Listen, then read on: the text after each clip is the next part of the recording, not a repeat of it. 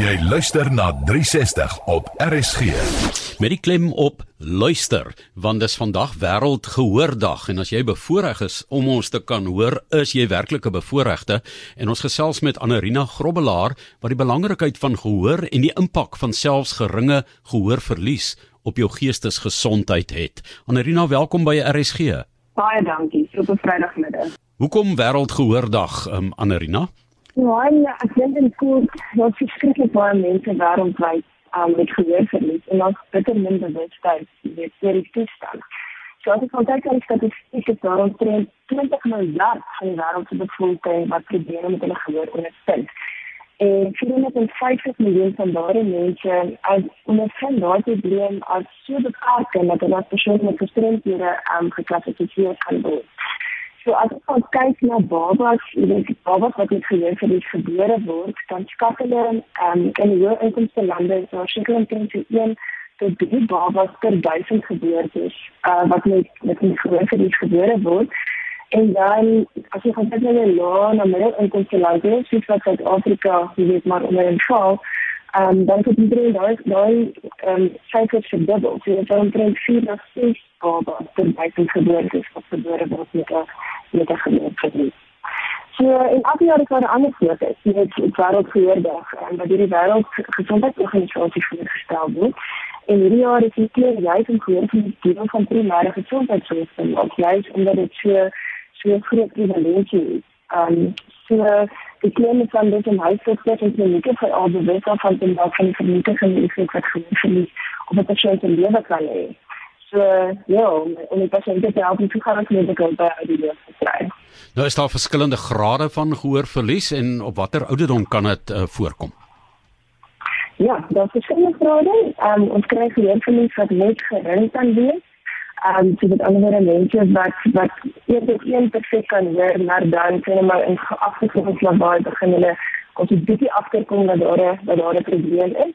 Dit is net um outomatiese gehoor verlies. En dit is tipies daar ouens wat ons baie in Suid-Afrika wat um gebaretaal gebruik um wat nie altyd genoeg kan hoor met 'n gehoorapparaat jy weet om ons kritiekaal aan te leer nie. En en ook mense wat dan cochleaire implantaat op die aanwending kry en dit kom in enige ouderdom. Van babas reg deur tot tot um, tot bejaardes, maar definitief dis nie net meer burgers nie. Dit is dit is 'n groot verspreiding van jongs oud.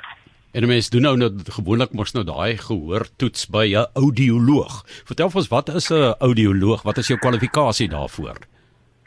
Ja, so ehm gewoonlik die kwalifikasie dit is graad ehm um, wat jy doen by universiteit, of 'n universiteit in land vir dit wat dit aanbied. Ehm um, so die ouens wat goed op die ID loer is uh, die ene ore. Het die ouens wat wat gehoor het en wat met gehoorapparaten werk. Ehm um, en dan ook baie belangrik auditiewe rehabilitasie doen vir mense wat gehoorprobleme ondervind. Nee, ek luister wat jy sê, maar sê vir my hoekom hoekom is goeie gehoor belangrik? Wat jy weet, wat is die inperking as 'n mens dan nie goeie gehoor het nie? Mm. So, sonder goeie gehoor kan jy definitief nie jou lewe optimaal leef en geniet nie. En uh, sonder gehoor kan jy duidelik kan ook nie na radioprogramme of hierdie kan luister nie.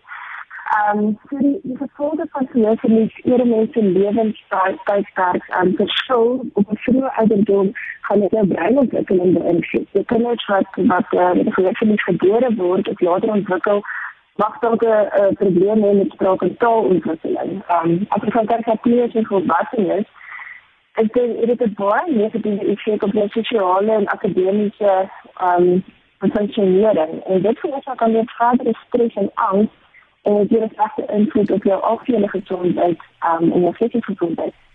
So dit werk dit is so voetbal jy daar vir jou sien weer werk dit is so voetbal jy ehm wat toegeneem met gras wanneer dit gebruik word. So dan die kanalisering van die gehoorsinne weer kan agteruit van wanneer daar 'n gehoorverlies teenwoordig is en as daar nie 'n goeie duidelike skyn die hele tyd van jou oor na jou brein gedra word nie. So dit kan altyd goed om te gou met die data van die maak as jy vermoed dat jy uh, gehoor nie na wens is nie. Nou ons gesels vandag op Wêreldgehoordag met Anarina Grobbelaar koöperatiewe audioloog by Widex en um, ons spits werklik die ore want ek dink daar's geweldig baie mense wat met die probleem sit ook in moderne omgewings waar jy werk waar jy jou ore word ook maar soos jou oë oorgestimuleer. So wat kan 'n mens doen om gehoorverlies te voorkom? Um, kyk ek dink die grootste ding in die eerste plek jy dit gaan nie soveel jy gehoor verlies maar jy gaan jy wil graag die effek wat gehoor verlies op jou brein het wil jy voorkom en en daai opsig is dit dan belangrik om so gou as moontlik as wat 'n mens weet agterkom dan se probleem of dit nou 'n skielike probleem is of dit nou 'n geleidelike probleem was om so gou as moontlik by 'n audioloog uit te kom Ehm um, partykeer is daar 'n virale of bakterieë en bakterieë infeksie en dan as 'n persoon vinnig genoeg by uit die lug uitkom en medikasie daarvoor kry, kan jy gehoor weer herstel. Ehm um, so dit is 'n belangrike punt. En die ander ding is natuurlik geraas. Ek dink ons is almal bewus daarvan van die effek wat geraas op jou gehoor vir op jou gehoor vermoë kan hê. Ehm um, maar ek dink die vlak van geraas wat jou gehoor kan beskadig is definitief sagter as wat jy dink. Jy weet, ehm um, jy aan ander mense dink sien maar jy was by by 'n konsert gewees en jy het dan geraak het gesê as jy daar uitgestap het en jy eers voel so verdoof voel so wat by sê en dan jy weet dit al reeds skoon. Ja. En wat dit al reeds hard genoeg gebeur om skade te veroorsaak. Nou, uh, hoekom sal 'n DJ nou altyd vir hom 'n paar oorfone opsit? Om die klank te doof maar hy gun nie die mense wat in die res van die klub is dit nie. Nee dis nou nie 'n belangrike vraag nie. Ek wil eintlik maar net ek wil eintlik by jou hoor hoe gereeld moet 'n mens jou uh, gehoor laat toets? Maar voor dit net as jy vermoed jou gehoor is nie so goed wat dit moet wees nie hoe hoe gaan jy dan daarmee vorentoe? Okay so jy jy stop jy audioloog. Jo, jo, jo, dit is dit. Ja, ek dink dit is die beste persoon wat jy gaan kan sê jy weet hoe erg is jou probleem wat 'n tipe gehoorverlies is dit maar wat jy pas vorentoe kan doen. Um gehoorapparate is nie altyd jou voorland nie. Baie keer is daar gehoorverlies wat deur middel van medikasie of 'n operasie wat ek al jy kan verbeter. Um so maar as gehoorapparate jou enigste opsie is om jou breinontwikkeling in stand te hou, um daai deel van die brein wat wat klank prosesseer, is daar regtig ongelooflike tegnologie daar buite. Ehm um, ek weet dat gehoorapparate se pryse van dramaties hoeveel ehm um, afhangende van die die apparaat is. En die funksie te beschryf is en nie natuurlik en duidelik die klank is. Ehm um, en jy kan net dan ook die audioloog self om te weet wat die opsies is vir jou persoonlike lewenstyl, vir jou finansies of jou mediese voordele. Ehm um, en baie is uh, as jy gaan kyk na gehoorapparate wat erin gaan vir jou werk, dis baie soos 'n motor te kies. Jy weet of jy nou 'n uh, intrekstak motortjie of 'n sportmotor of 'n 4x4 het, jy weet dit gaan almal van punt A tot punt B bring. Maar jou ervaring op daai rit gaan aansienlik verskil en dis dieselfde met gehoorapparate. So dit lyk my julle audioloë werk aan nou saam met neuroloë en oorneus en keel spesialiste en ehm um, jy weet ook algemene praktisyns ja. as jy kyk na medikasie en operasies moontlik en so meer. Maar hoe gereeld moet 'n mens jou gehoor laat toets? So ek dink aan die begin van elke belangrike fase, ehm um, as kind met ander woorde by geboorte moet jy net jou ehm um, babatjie hoor dat dit en meeste van die lande private hospitale is daar ehm um, programme waar die loon inkom en ook voordat die babatjie huis toe gaan alreeds al eerste gehoortoets kan doen.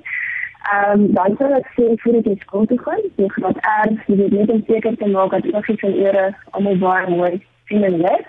Um, en ook in die hoërskool Johan, want baie leerverliese kan ontwikkel van 6 tot 12. Um, jy het ook gevoel van oorinfeksies, jy weet, of virale infeksies wat ook al. Um, en dat is belangrijk om je tienertje gehoord te laten doen. En definitief ook als gevolg van verhaalspreekstelling. Als ik baie van het tienertje hoort met, met eer, eervoeren en eer, en dat betekent het zo hard dat jij kan horen wat het is, je weet wat veel. En dit, dit kan definitief een groot probleem voor je voor je tienertje gehoord. En as jy wat in 'n service jy met die jaar met gecheck up kry, ehm um, by jou huisdienste. En dan ook nu, jy weet as daar as daar enige probleme met jou gehoor is en jaarliks na die leefstyl gaan om jou gehoor te laat sien. En natuurlik dadelik as jy enige enige verandering in jou gehoor of jou kind se gehoor um, agterkom dan is dit baie belangrik om te gaan om dit werk na van te maak. Ehm um, Anarina, as my vrou vir my sê ek luister nie, beteken dit ek moet gaan vir die toets. nee, dis 'n nee, dis 'n ander storie. Ons hoef nie daaroor te praat nie. Definitief, want ek koop net jou vrou begin mompel. Dit is 'n redelik skraal. Yes, maar wie ek dink nou jy het nou die fases genoem dat onderwysers byvoorbeeld 'n baie belangrike rol kan speel in die identifisering van 'n kind wat hulle kan sien, miskien uit die liggaamshouding of so. So 'n uh, mens moet ook maar daarop bedag wees, né? Nee? Seker ja. ja. Nee, verseker. Maar ek sien julle het 'n gratis ehm um, tipe van screening wat julle noem, ehm um, waar mense kan gaan kyk en dan lyk my asof daar 'n paar ehm um, dinge is wat jy self kan deurgaan om te kyk maar het jy dalk 'n probleem of nie? Hoe werk dit? Ja. So op ons op die webwerf, ehm um, wat ek sê webwerf, ehm um, kan jy net gaan kyk, daar is 'n skakel vir 'n gratis gelees wat jy net aanlyn kan doen en dan as daar enige probleme is wat jy nou kan sien of jy kom nou nie daai tipies so mooi deur nie dan is daar um, dan kan jy dan kan jy net altyd verder gaan en en weet waarom jy gaan sien. Goed, so hulle gaan na ja.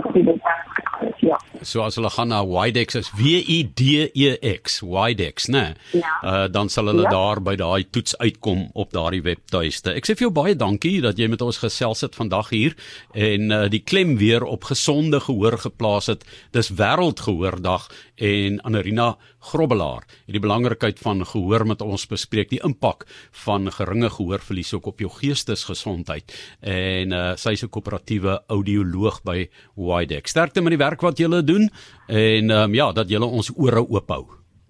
Baie dankie.